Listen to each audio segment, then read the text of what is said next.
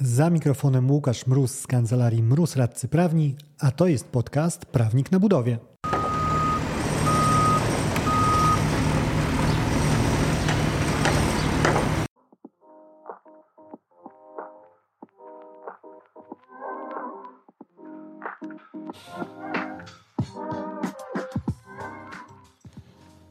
Urzędzie Zamówień Publicznych także Prokuratoria Generalna RP wskakuje do pociągu waloryzacyjnego. Jak wskakuje? Wskakuje wydając swój dokument dotyczący tego, jak widzi waloryzację. Dokument, który no, wydaje mi się, że z przyjemnością przeczytać będą mogli wykonawcy. O jego szczegółach opowiem w tym odcinku. Za mikrofonem Łukasz Mróz, a to jest podcast Prawnik na budowie.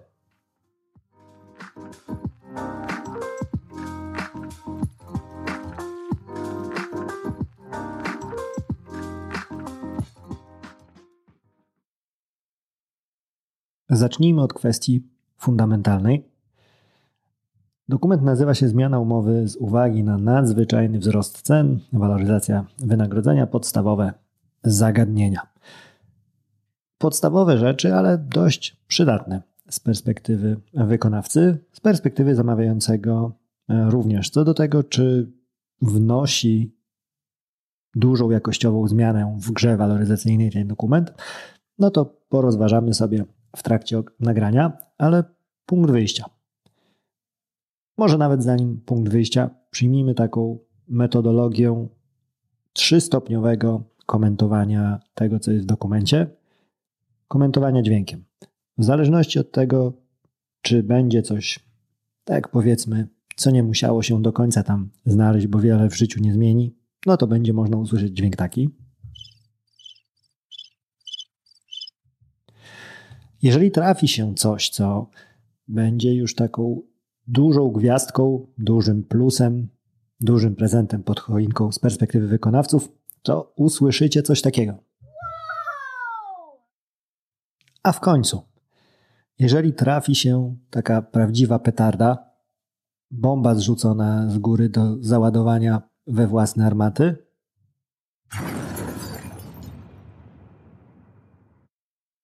Dobra, to jak mamy umówione już podstawy, do rzeczy. Tytułem wstępu e, ważna rzecz, co właściwie generalna prokuratoria nasza, a na marginesie byłbym zapomniał, serdecznie pozdrawiam wszystkich generałów, pułkowników, sierżantów szeregowych także z prokuratorii. Doszły mnie słuchy, że okazjonalnie przez część z Państwa słuchane jest. Miło mi, pozdrawiam, miłej pracy i owocnego walczenia o dobry rynek dla wszystkich. Waloryzacja wynagrodzenia jest na potrzeby tego opracowania rozumiana jako urealnienie wynagrodzenia wykonawcy z uwagi na tego rodzaju wzrost cen materiałów lub innych kosztów niezbędnych do realizacji umowy, który skutkuje powstaniem znacznej nierównowagi ekonomicznej stron umowy. Czyli mamy takie szerokie podejście, pragmatyczne, funkcjonalne, do pochwalenia. Nie, nie wpinajmy tej waloryzacji w ramy tego, czy ma być to z konkretnej podstawy prawnej jakieś roszczenie, czy może ma być to z konkretnej podstawy prawnej jakieś porozumienie. Warto według mnie przyjąć tą koncepcję, którą tu prokuratoria, prokuratoria przyjęła, czyli rozmawiajmy szeroko, jak w ramach narzędzi, które mamy, sprawić, żeby pieniądze znalazło się w umowie więcej, żeby to, co daje każda ze stron, czyli roboty wykonawcy oraz wynagrodzenie zamawiającego, były równie sobie wa ważne, tak jak na etapie e, zawierania umowy.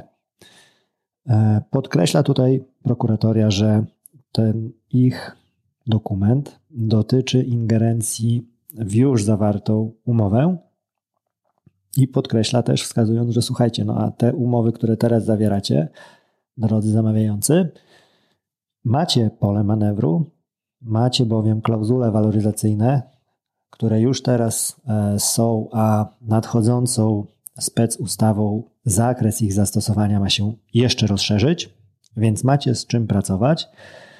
I wskazuje tak znowu funkcjonalnie, powiedzmy pragmatycznie, prokuratoria, wprowadzanie bowiem do umów w sprawie zamówień publicznych postanowień pozwalających na dostosowanie zobowiązań stron do zmieniających się okoliczności należy oceniać generalnie pozytywnie.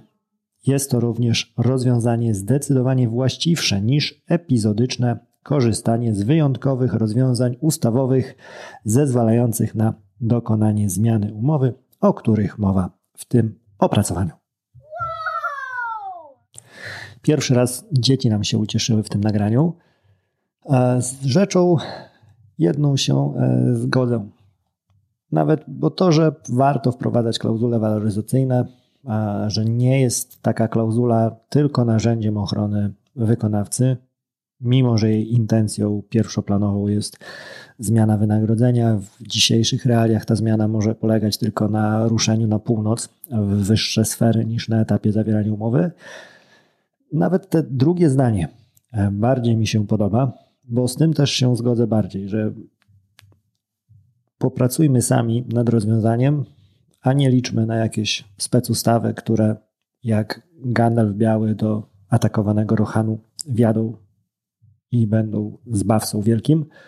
Pozdrawiam wszystkich fanów Tolkiena, bo smutna prawda jest taka, że nawet kiedy popatrzeć na kształt tej zapowiadanej specustawy waloryzacyjnej, to szczerze mówiąc, z tego co na chwilę obecną widać, w moim odczuciu nie za bardzo jest na co czekać. Jeżeli nie jesteśmy w stanie na chwilę obecną dogadać rozwiązań, dogadać e, kwestii zmiany wynagrodzenia, to ta, umowa, um, ta ustawa w tym kształcie, który został zapowiedziany, jakoś szczególnie wiele gry tej nie zmieni. Także taka troszkę sugestia, ale troszkę taki zimny prysznic, e, że no cóż, nie liczcie drodzy na ustawodawcę, bardziej pomyślcie o tym, jak sami możecie się wyciągać z kłopotów.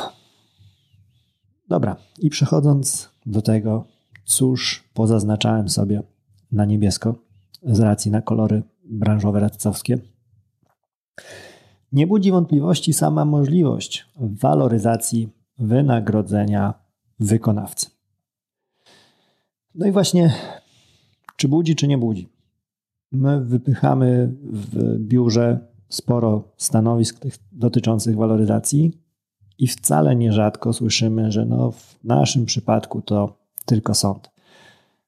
Szczególnie w sektorze prywatnym, gdzie nie ma odpowiedników przepisów z PZP wskazujących na to, kiedy zmiany umowy dokonywane być mogą i operujemy właściwie tylko w ramach tego, cóż strony chcą, cóż by chciały. Zdarza nam się usłyszeć też, że ryczałt chociażby włącza, wyłącza waloryzację, ponieważ umowa jest ryczałtowa, no to nie można ani w jedną, ani w drugą stronę drgnąć z umówioną kwotą.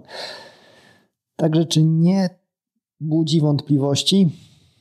No dalej, dalej mam wrażenie, że jednak te wątpliwości e, są i pomina nawet tutaj kwestię, kiedy ewidentnie po prostu ktoś, niezależnie od tego, jakich argumentów by się użyło, i tak będzie na nie. Także to jest e, rzekomy brak podstaw prawnych do waloryzacji, jest e, wygodną wymówką.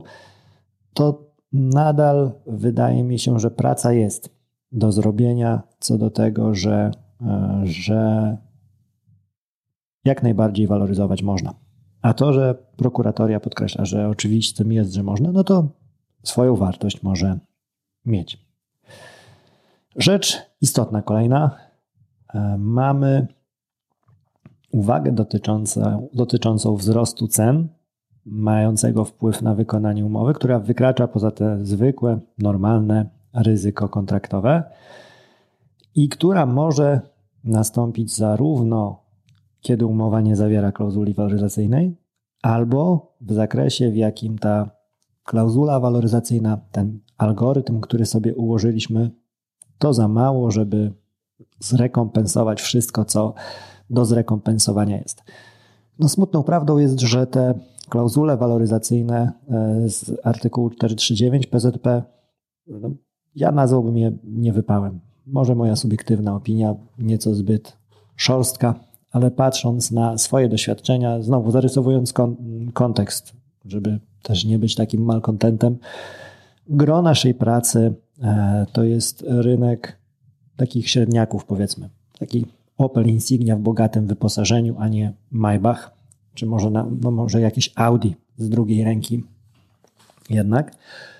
I na poziomie takich kontraktów to nieszczególnie widzę wartość w tych klauzulach waloryzacyjnych, bo są dwa główne problemy. Albo mają progi wejścia poustawiane na takim pułapie, że w rzeczywistości nieszczególnie nawet można się załapać przy bardzo wysokich wahaniach rynkowych, bądź też, co jest częściej spotykanym problemem, mają limit waloryzacyjny tak niski, że nie można go uznać za cokolwiek innego niż takie odhaczenie formalizmu w postaci, no dobra, miała być klauzula waloryzacyjna, to jest.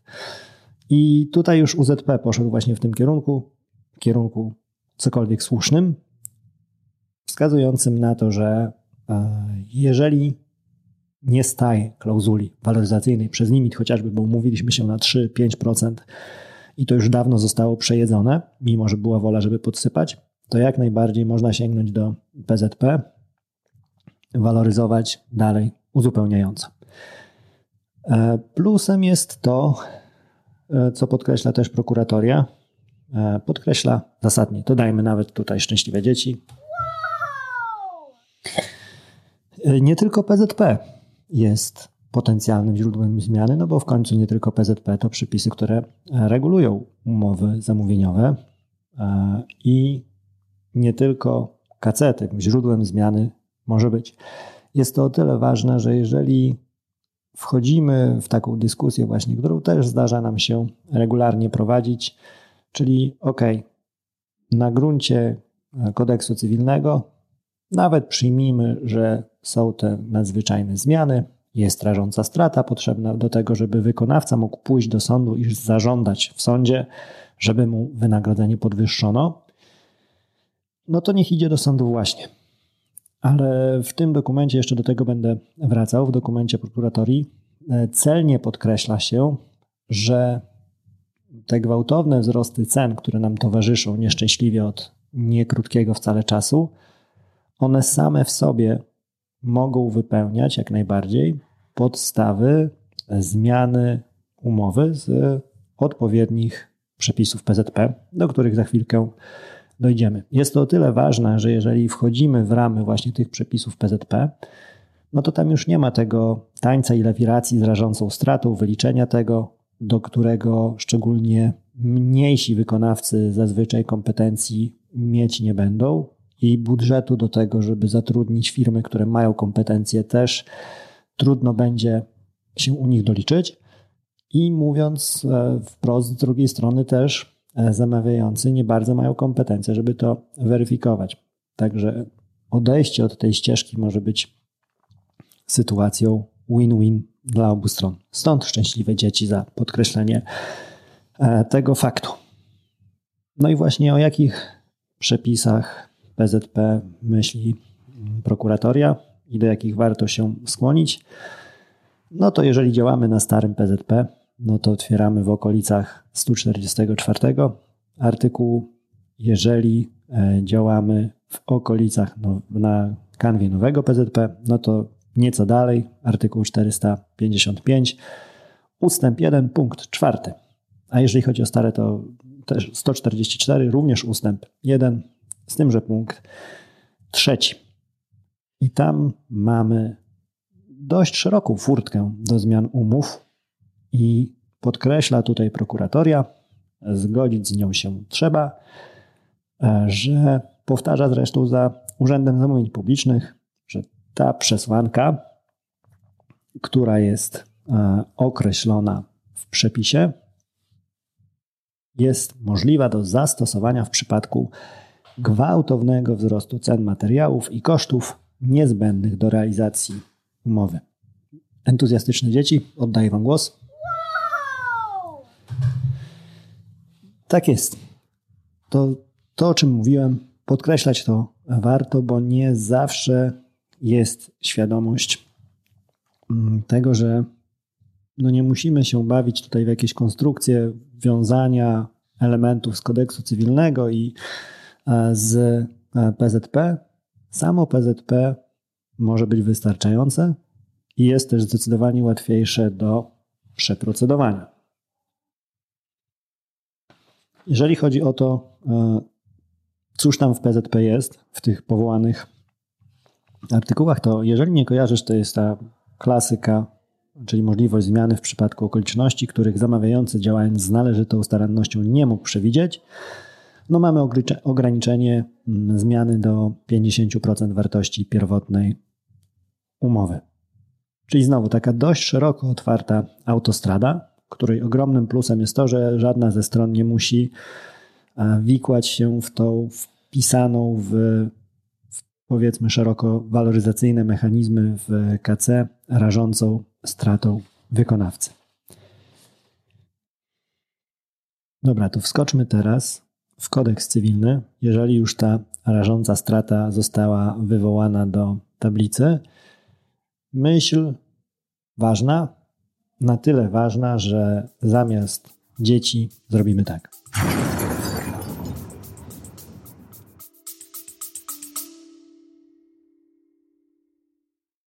Wracam na trasę szkoleniową. Z Akademią Kontraktów Budowlanych, czyli swoim autorskim szkoleniem, odwiedzę cztery miasta. 23 lutego Katowice, 13 marca Poznań, 19 kwietnia Warszawa i 10 maja Gdańsk. Wszystkie detale i szczegóły o rejestracji znajdziesz na stronie prawniknabudowie.com ukośnik Akademia.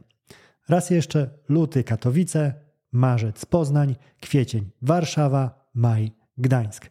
Akademia Kontraktów Budowlanych, strona internetowa prawniknabudowie.com ukośnik Akademia. Do zobaczenia.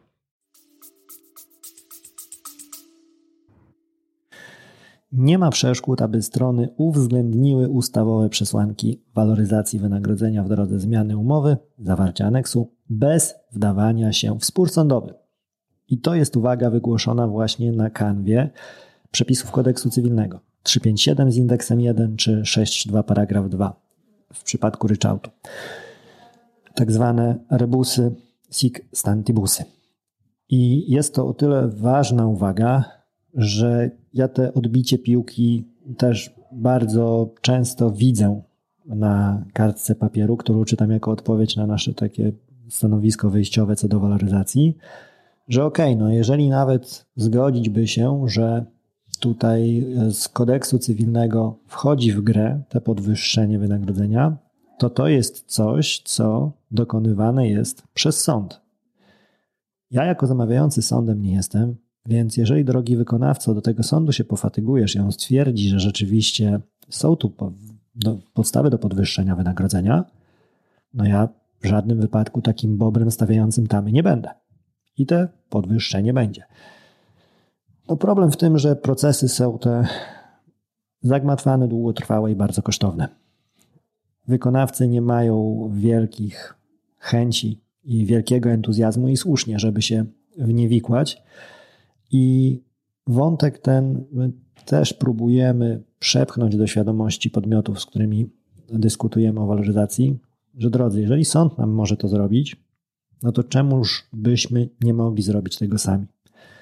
I pod tym wnioskiem też podpisuje się e, prokuratoria mm, troszkę dalej w tym dokumencie, e, mówiąc o tym szerzej. Także tu już bardzo ważna rzecz. E, jeżeli tak z tą z kodeksem cywilnym słuchałem niedawno e, jakiejś, e, jakiegoś webinaru, gdzie trafnie zresztą podkreślono, że wykonawcy niekiedy zbędnie w ogóle poruszają temat rażącej straty. Zbędnie dlatego, że wystarczyłoby im właśnie rozmawiać o przepisach PZP, o tym 455 ustęp 1 punkt 4 chociażby, o którym przed chwilą omówiłem, a tam nie ma żadnej rażącej straty, tylko trzeba pokazać zamawiającemu, że obecne wzrosty to są okoliczności, których on działając z należytą starannością nie mógł przewidzieć. I jest to prawda, z tym, że ja tak warsztatowo jednak y, trzymałbym się tego, żeby też o tych e, podstawach z kodeksu cywilnego zarządcej straty wspomnieć. Wspomnieć warto o tyle, że w ostatecznym rozrachunku, jeżeli nawet są podstawy do zmiany umowy, no to zgodnie z ugruntowanym stanowiskiem i sądów, i mądrych prawników, i zresztą też z ugruntowaną praktyką, bo to znajduje wyraz w lwiej części umów. Wystąpienie nawet podstaw do zmiany umowy nie sprawia, że zachodzi obowiązek jej zmiany, ale jest tylko takie uprawnienie zamawiającego, więc mogę, ale nie muszę. I w tym kontekście właśnie powołanie tego, czego już z czym musisz się liczyć, drogi zamawiający, czyli jeżeli dostaniesz wyrok, to będziesz musiał zmienić to wynagrodzenie, a nie tylko będziesz mógł je zmienić, no to to jest wątek, który ma wartość dla wykonawcy, bo pokazuje, że nie tylko rozmawiamy o tym, że nawet jak ja cię przekonam, drogi zamawiający, to ty sobie zdecydujesz, czy chcesz się zmieniać, czy nie, tylko pokazujemy, że no mam też bardziej bezpośrednie środki przymusu. Jeżeli ta marchewka nie chwyci, to kijek z bagażnika wyciągnąć mogę. Tak czysto technicznie, to co podkreśla prokuratoria, jeżeli się dogadamy, nawet nie jest niezbędne zgłoszenie przez wykonawcę żądania opartego o klauzulę rebus sixtantibus. Innymi słowy, zawarcie aneksu nie musi być formą czy skutkiem ugody dotyczącej spornego roszczenia wykonawcy lub skierowania na drogę sądową. Dopuśćmy dzieci do głosu. Znowu te rzeczy według mnie wartość mają, bo o ile zamawiający są świetnie przygotowani do proceduralnego aspektu prawa zamówień publicznych, bo mimo zakładanej w nowym PZP zmiany optyki na to, że o zamówieniu publicznym nie myślimy jako procedurze zakupowej, ale o samym uzyskiwaniu efektu i efekcie tym, to potrzebujemy chyba jeszcze sporo czasu, żeby wyjść z dotychczasowych kolejn takich myślowych i wskoczyć na nowe. Tutaj jest to o tyle dla mnie istotne, to podkreślanie, że sfera realizacji kontraktu w moim odczuciu jest nadal traktowana po macoszemu w relacji do samego, samej sfery prowadzenia postępowania, jeżeli chodzi o pieczołowitość i know-how, którą dysponuje zamawiający. Dlatego uświadamianie takie, jak to wygląda w kontekście nie tylko PZP, ale także w kontekście kodeksu cywilnego, który mało ważny też nie jest, ma sporą wartość. I w tym przypadku dzieci zdecydowałem się dopuścić do głosu z uwagi na tą samą końcówkę, czyli że te zawarcie aneksu nie musi być formą czy skutkiem ugody, która zapada, kiedy mamy skierowanie sprawy na drogę sądową. Więc nie ma potrzeby, nie ma konieczności, żeby bawić się w tą grę, że słuchajcie, robimy taką ustawkę, wypchnijcie to do sądu, przychodzimy na salę, wszyscy udajemy zdziwionych, skonsternowanych i entuzjastycznie i spontanicznie nastawionych na ugodę. Nie, nie ma potrzeby pisać tego pozwu, dokładać tej pracy wykonawcy, jeszcze do, dokładać mu do budżetu wydatek na prawnika, który to napisze. Można jak najbardziej rozwiązać to zwyczajnie polubownie. Jak ubierzemy to formalnie, jak to będziemy chcieli ugryźć, to jest naprawdę kwestia wtórna.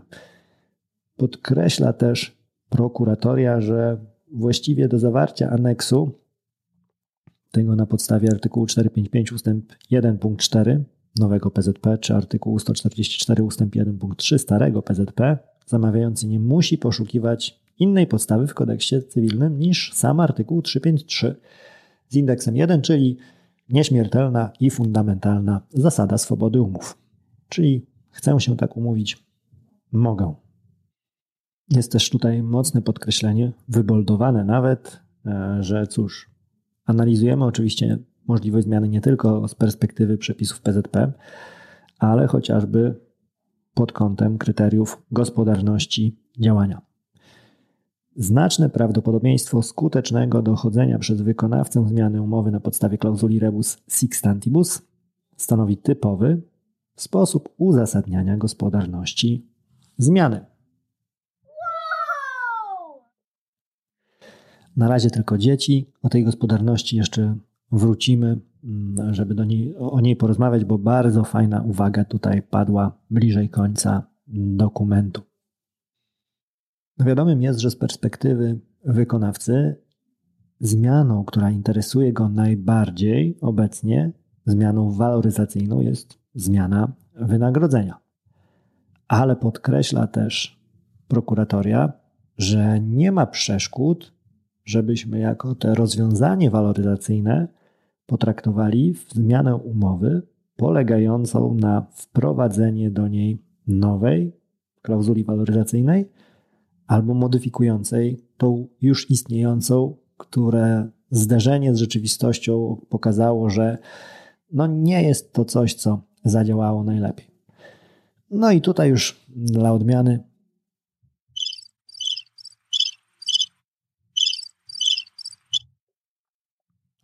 Znowu, nie jestem po prostu fanem tych klauzul waloryzacyjnych. Podobnie jak e, zmiana nastawienia z myślenia o zamówieniu jako procedurze zakup stricte zakupowej, czyli byle mi to klepnięto, do KIO nikt nie poszedł, albo w KIO usłyszę pozytywne rozstrzygnięcie dla siebie jako zamawiający, a później to realizacja, niech się dzieje wola nieba, z nią się zawsze zgodzić trzeba. Zagłoba chyba, tak? E, I o tyle ten sam wątek wiązałbym z klauzulami waloryzacyjnymi.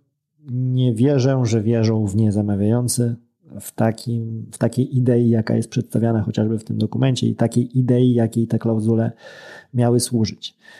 Są one postrzegane bardziej jako taka niewygoda, ba wręcz e, w systemie prawnym, w systemie informacji prawnej, LEX, z którym pracujemy, jest taki moduł, gdzie e, moduł zamówienia publiczne, tam można między innymi zadawać pytania do ekspertów. Ostatnio trafiłem na taką perełkę, gdzie właśnie ktoś się zrzymał na klauzulę waloryzacyjną, że postawił nawet takie filozoficzno-retoryczne pytanie, czy w ogóle ryczałt jeszcze istnieje, jeżeli trzeba waloryzować. No bo jak to tak? Tak widać, chociażby po takim anegdotycznej opowieści, jak duży opór jest przeciwko dopłacaniu chociaż grosza, a klauzule waloryzacyjne siłą rzeczy z tym dopłacaniem grosza i to nie jednego wiązać się mogą. Dlatego tutaj świerszczę co najwyżej. No i proszę Państwa, zaczynamy bombardowania.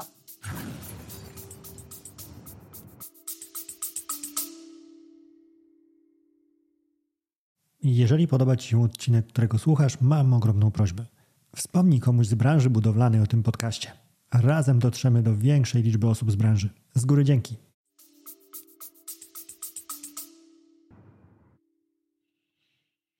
Analiza podstaw do zmiany umowy w sprawie zamówienia publicznego ma siłą rzeczy indywidualny charakter.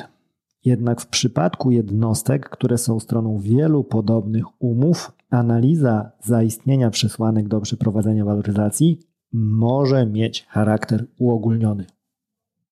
Odpalę nawet jeszcze jedną.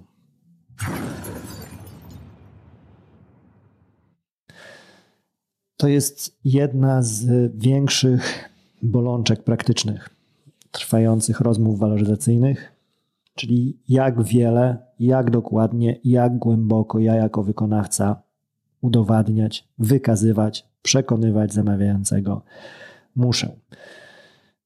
Jeżeli dojdziemy dostatecznie głęboko, to szczerze mówiąc, to jest kolejna taka bezpieczna przystań pozorowanych takich argumentów rzeczowych ze strony zamawiającego, czyli ja chcę waloryzować, no ale pokażcie mi bezpośredni związek przyczynowo-skutkowy między wzrostami a tym, na co się powołujecie. Ja na przykładzie jednego z większych zamawiających mogę właśnie powiedzieć, że duże Dużym kosztem pewnej inwestycji e, były kwestie stalowe. No i pisaliśmy oczywiście o Ukrainie i tak dalej, i tak dalej. I w odpowiedzi dostaliśmy zażądanie wykazania właśnie adekwatnego związku przyczynowego między tymi wzrostami, a wojną, no i pandemią, bo e, też ona została tam napomknięta nieco z boku. Powodzenia. Ja nie potrafię tego zrobić wykonawca nie będzie potrafił tego zrobić. Powiem więcej. Nie każdy think tank będzie potrafił to zrobić, no bo de facto to, czego żąda zamawiający w takim kontekście, to mówi, drogi wykonawco, ok, to jeżeli cena wzrosła o Y na rynku i ty się powołujesz na wojnę w Ukrainie, to wytłumacz mi, dlaczego dokładnie i w jakiej proporcji część tego Y przypada na wojnę w Ukrainie. No bo przecież mogło być tak, że część jest pokłosiem wzrostów cen, które miały miejsce jeszcze przed wybuchem wojny. Jak najbardziej nie można zamykać oczu na to, że słupki tych cen pieły się w górę jeszcze przed końcówką lutego. I tak dalej, i tak dalej. Tylko mówię, no, niewykonalnym zadaniem jest y, w praktyce to, żeby był w stanie wykonawca mm, tak policzyć co do grosza, to dlaczego wzrosło akurat o tyle i pokazać taki wykres ujmujący światową gospodarkę, no bo tutaj były przepływy takie surowców, tutaj się przyblokowało, to, to wolumen na tej linii spadł w ten sposób, tu się zatkał łańcuch dostaw. Z kolei już istniejące problemy logistyczne doprowadziły do tego, że tutaj mieliśmy przytkane kontenery do transportu tego i owego i tak dalej, i tak dalej. A jak jeszcze zaczniemy szukać, to ilu tam pracowników, powiedzmy, ukraińskich hut zostało zaangażowanych do działań bojowych, a które z tych hut były na obszarze nieobjętych, nieobjętym bezpośrednio e, działaniami wojennymi. Naprawdę można pójść głęboko i wykorzystywać to z perspektywy zamawiającego jako taką bezpieczną właśnie przystań zepchnięcia odpowiedzialności z pseudo negocjacjami. Dlatego ogromną wartość to jest dla mnie jedno z trzech chyba najważniejszych rzeczy, która pada w tym dokumencie, czyli właśnie te otwarcie do bardziej ogólnego rozmawiania. Wprawdzie nie do końca e, chwytam może intencje, które za tym przemawiają, o czym zaraz troszkę e, dokładniej. W każdym razie te otwarcie na uogólnienie to byłaby no, skarb taki praktyczny. Jeżeli moglibyśmy, bo prawda jest taka.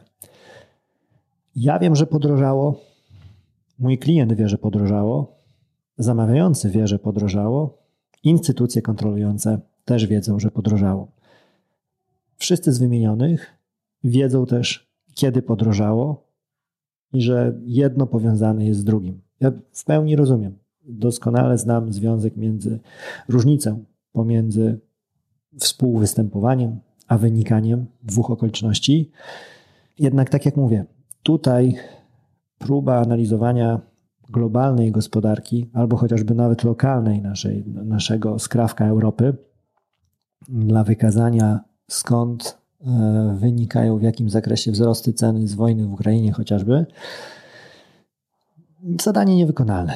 Przerabialiśmy to już na covid szczerze mówiąc, gdzie wtedy było trudno, żeby pokazać, e, że mamy problem i bezpośrednio wykazać, jak chociażby dokładnie przekłada się COVID na czas realizacji, czy mocy przerobowej itd., tak itd. Tak A tu jeszcze dodajemy dodatkowy element do tej układanki, niemały, zwiększający zamglenie sytuacji i robi się jeszcze ciekawiej.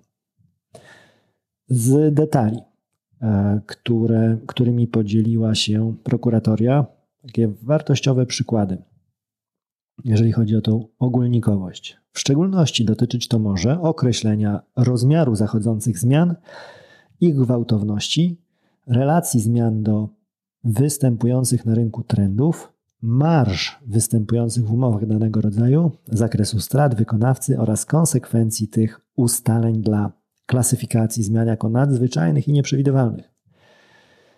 Czyli ja jako zamawiający, mając x kontraktów drogowych, bo jestem chociażby zarządem dróg jakichś tam na szczeblu danego samorządu, wiem, wiem co się dzieje na rynku, wiem jak kontraktują ze mną wykonawcy, to na jakie pieniądze tak naprawdę jako, jako margines błędu, margines zarobku mogli liczyć i nie muszę za każdym razem odkrywać Ameryki i wykonawca nie musi być za każdym razem tym Kolumbem, który popłynie ze mną na czele mini floty trzech okrętów żeby tą Amerykę odkryć.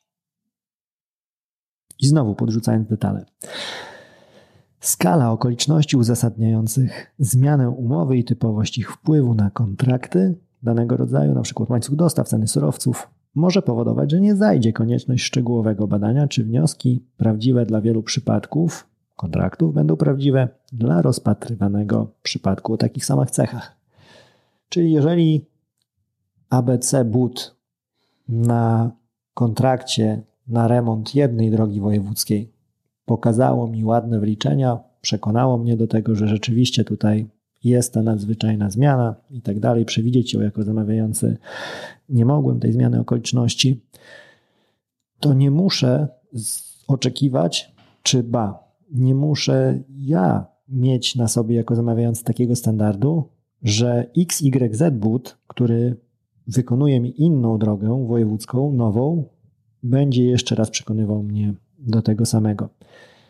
I tutaj z jedną rzeczą właśnie, taką, którą troszkę się boksuje metodologicznie, jakby miało to wyglądać, wydaje mi się, że konsekwencją tego stanowiska jest mimo to, że mówimy o tym, że e, w przypadku jednostek, które są stroną podobnych umów wielu, to tej waloryzacji tak dokładnie badać nie musimy. No jest tutaj ten problem, że bardziej tutaj wykonawcy pewnie chwycą się tego, wskazując, że ma być ogólnikowo i tak dalej, wystarczą więc te nasze wykresy wzrostów i pójdą nam e, pieniądze. Co najmniej raz dokładnie to trzeba będzie przewalić, żeby móc się na to dokładne przewalenie powoływać w przyszłości. Tak raczej bym to widział niż takie hura otwarte drzwi dla, mm, dla waloryzowania na ogólnikach. No i znowu otwiera się problem w tym, że z rzeczy, która jest, możemy bardzo szybko przejść do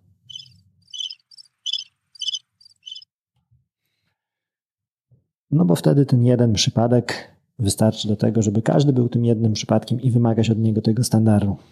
Także jest tu potencjał, jest sens w tej uwadze, tylko żeby zadziałało to w pełni, to tak na dobrą sprawę dopuszczalność tego marginesu ogólności powinniśmy stosować dość szeroko. Tak, żebyśmy, jeżeli wszyscy wiemy, że źle się dzieje, już nie w państwie polskim, ale niestety w globalnej gospodarce, to żebyśmy się nie musieli kopać i pokazywać, że tym wielbłądem jesteśmy bądź nie jesteśmy. I zresztą w tym kierunku no, bardziej też można odczytać kolejną wypowiedź. Gdy mamy do czynienia ze zjawiskami o szerokim zasięgu oddziaływania, które ewidentnie i w sposób typowy wpływają na procesy gospodarcze, nie jest konieczne przeprowadzanie oddzielnej, indywidualnej analizy wystąpienia przesłanek uzasadniających waloryzację dla poszczególnych kontraktów. Raz jeszcze. Ja wiem, że źle się dzieje. Ty wiesz, że źle się dzieje. Także nie budujmy tutaj jakichś absurdalnych zamków formalizmu, tylko porozmawiajmy o tym, jak sytuację wyprowadzić na prostą. I rzecz praktyczna, mega, która mi się spodobała, z rzeczy takich niuansowych, a, zrzućmy. Wyjątek od tej sytuacji, o, o której mówiłem wyżej, czyli wszyscy wiemy, że jest źle, więc nie bawmy się tutaj w nurkowania w dane, kiedy nie są potrzebne. Prokuratoria ustanawia taki bardzo sensowny, podkreśla taki bardzo sensowny wyjątek. Wyjątek powinna stanowić sytuacja, gdy jednostka, czyli zamawiający, posiada informacje wskazujące, że mimo zaistnienia generalnych procesów gospodarczych przemawiających za potrzebą zmiany wynagrodzenia wykonawcy, w przypadku konkretnej umowy zmiana taka jest nieuzasadniona. Tak, ma to sens, to zastrzeżenie jest potrzebne, no bo też nie, nie ma co premiować wykonawcy, który chociażby zakładał wyimaginowanie nierealne stawki, które zdoła uzyskać od dostawców, czy przyłożył sobie linijkę do, do wszystkich dokumentów i stwierdził, że on tu widzi 50% marży, i później nagle twierdzi, że jego wynik finansowy to zupełnie nie ma się do tego, co zakładał, i on jest tutaj biedny i poszkodowany. Nie. Za coś takiego konsekwencje finansowe jak najbardziej powinien ponieść. E, I do takich sytuacji właśnie pije prokuratoria, czyli rzeczy, gdzie ty de facto nie jest Twoim problemem, drogi wykonawco, że dzieje się źle na świecie, tylko problemem jesteś ty sam. No i wtedy zgadzam się w pełni, nie ma podstaw do tego, żeby jakoś szczególnie cię ratować. Przyszłość Titanika cię czeka. E, cóż przykładowo podaje prokuratoria? Przykładowo można wskazać na znaczne zaniżenie oferty przez wykonawcę w stosunku do warunków rynkowych, które nawet przy niskich zmianach cen skutkowałoby rażącą stratą wykonawcy. Pełna zgoda. Jeżeli brałeś różowe okulary, to takie naprawdę taki róż, którego nie powstydziłby się klub jakiś miłośniczek dwunastoletnich muzyki pop. W takim przypadku bierzesz w plecy i zasłużenie. Podobnie należy ocenić niedoszacowanie oferty przez wykonawcę lub nieuwzględnienie przy jej kalkulacji możliwych przewidywalnych zmian cen. Zwłokę wykonawcy skutkującą koniecznością nabywania towarów i usług po zawyżonych cenach, czy sytuacja, gdy wzrost, wzrost cen jednych materiałów był kompensowany wykonawcy spadkiem cen innych materiałów. Obie rzeczy słuszne. Jeżeli robiąc umowę normalnym rytmem, załapałbyś się na plus 7% cen w stosunku tych, e, które miałeś przewidziane. I powiedzmy, że przewidywałeś je słusznie, ale ze swojej winy władowałeś ten kontrakt w nieterminowość wykonawcą i nagle masz plus 30%, zasiałeś ten wiatr, zbieraj tą burzę. I ta ostatnia rzecz też jest taka mm, ciekawa, czyli wzrost cen jednych materiałów kompensuje e, wykonawcę e, spadkiem cen innych materiałów. Czy mocno praktyczne? No nie, nie wiem, czy już dotarliśmy do tego etapu, gdzie takie sytuacje mogą być, ale teoretycznie jak najbardziej może mieć e, możliwość i z tym też nie mam problemów. Jeżeli ktoś będzie w stanie mi pokazać, że drogi wykonawco, tobie się budżet projektu wcale nie wykrzaczył, bo to, co ci ubyło w jednym asortymencie, to ci wzrosło w innym. W związku z tym jesteś tak w sytuacji konstans. Jedna bardzo ważna rzecz, którą wprost tutaj nie wyrażono, ale e, która, bo mam nadzieję, że między wierszami była intencja, żeby ją przekonać, przekazać i e, która mnie mocno chodzi po głowie. Ciężar dowodzenia, bo znowu na bazie własnych doświadczeń wypychamy takie właśnie informacje, już pełne co do tego, jak wygląda e, koszt realizacji. No i dostajemy informację zwrotną. No ale skąd zamawiający ma wiedzieć, że wykonawca sobie nie przyszarżował w ocenach? Także proszę nam tu pokazać, że rzeczywiście te zało- jakie były założenia co do poziomu wydatków potrzebnych dla realizacji kontraktu? I co ważniejsze, jakie, jak te założenia wyglądały na tle e, praktyki rynku? Jak wygląda obecna praktyka rynku. No i okej, okay, możemy iść w tym kierunku, nie mam z tym problemu, tylko znowu bazując na własnych doświadczeniach, sytuację mieliśmy chociażby taką właśnie, gdzie wskazując koszty do poniesienia na obecnym etapie, dostaliśmy taką zwrotkę, no ale to jest z czapy. Skąd wiadomo, że tyle to kosztuje, że to nie jest jakaś tam manipulacja i nie jest windowanie ceny? No to pokazaliśmy dwie oferty, e, które dostaliśmy, plus do tego dwie w ogóle odmowy złożenia ofert od kontrahentów, bo z różnych względów nie chcieli ofert swoich złożyć, bądź też nie mogli. No i z kolei w odpowiedzi na to, a skąd mamy wiedzieć, że żeście się z tymi czterema nie dogadali, żeby oni podali właściwą cenę. I można tak iść znowu. Fasadowo pokazując, że niby chce negocjować, ale tak na dobrą sprawę argumenty dobierając do tego z góry założonego założenia, że nic ponad kwotę z kontraktu do niego nie trafi. E, dlatego w moim odczuciu to nie wykonawca ma obowiązek udowadniać, że nie jest wielbłądem, to zamawiający, jeżeli ma podstawy do przyjęcia, że to jest ta jednostkowa sytuacja, właśnie, która wymyka się ramą tego ogólnego przyjęcia, co się dzieje, w takim przypadku, w takim kontekście, będzie zamawiający, o ile on to wykaże, mógł w pełni skutecznie i w pełni zresztą zasadnie i słusznie odmówić zmiany wynagrodzenia.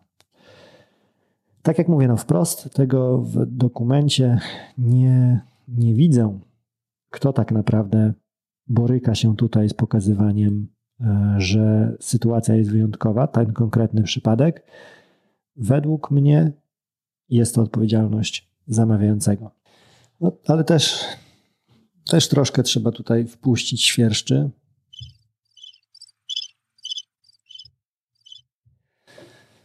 No bo w ostatecznym rozrachunku ten wyjątek, który teraz omawiałem, on ma brzydką tendencję do stawania się zasadą. A nawet jeżeli tą zasadą się nie stanie, to wracamy do tego nieśmiertelnego. Zmiana to prawo, a nie obowiązek, więc i tak można odbić się od ściany. Czyli przekonują, przekonują, padają kolejne flanki, kolejne mury obronne zamawiającego przeciwko w ogóle dopuszczalności waloryzacji. I już, już mam wbiegać na plac zamkowy, szturmując ostatnią bramę, a tam się dowiaduję, że no okej, okay, to zbiłeś wszystkie moje argumenty i ja widzę, że nawet moglibyśmy się dogadać co do tej waloryzacji prawnie, ale i tak jest to moje prawo, taki aneks, a nie obowiązek. Jeżeli mówimy o aneksowaniu z PZP. No i tutaj taka ogólna refleksja, która towarzyszy mi przy lekturze tego dokumentu.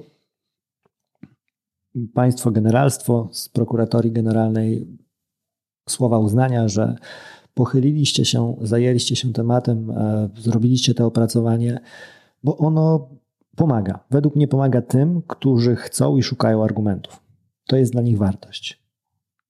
Sęk w tym, że jestem mocno sceptyczny co do tego, że blokadą, którą mamy obecnie w waloryzowaniu kontraktów i przyczyną, dla której nie ma jakichś hurtowych zmian i bardziej się kłócimy niż zgadzamy co do tej waloryzacji, nie jest wcale to, że potrzebne są argumenty, bo te przekonująco już podano.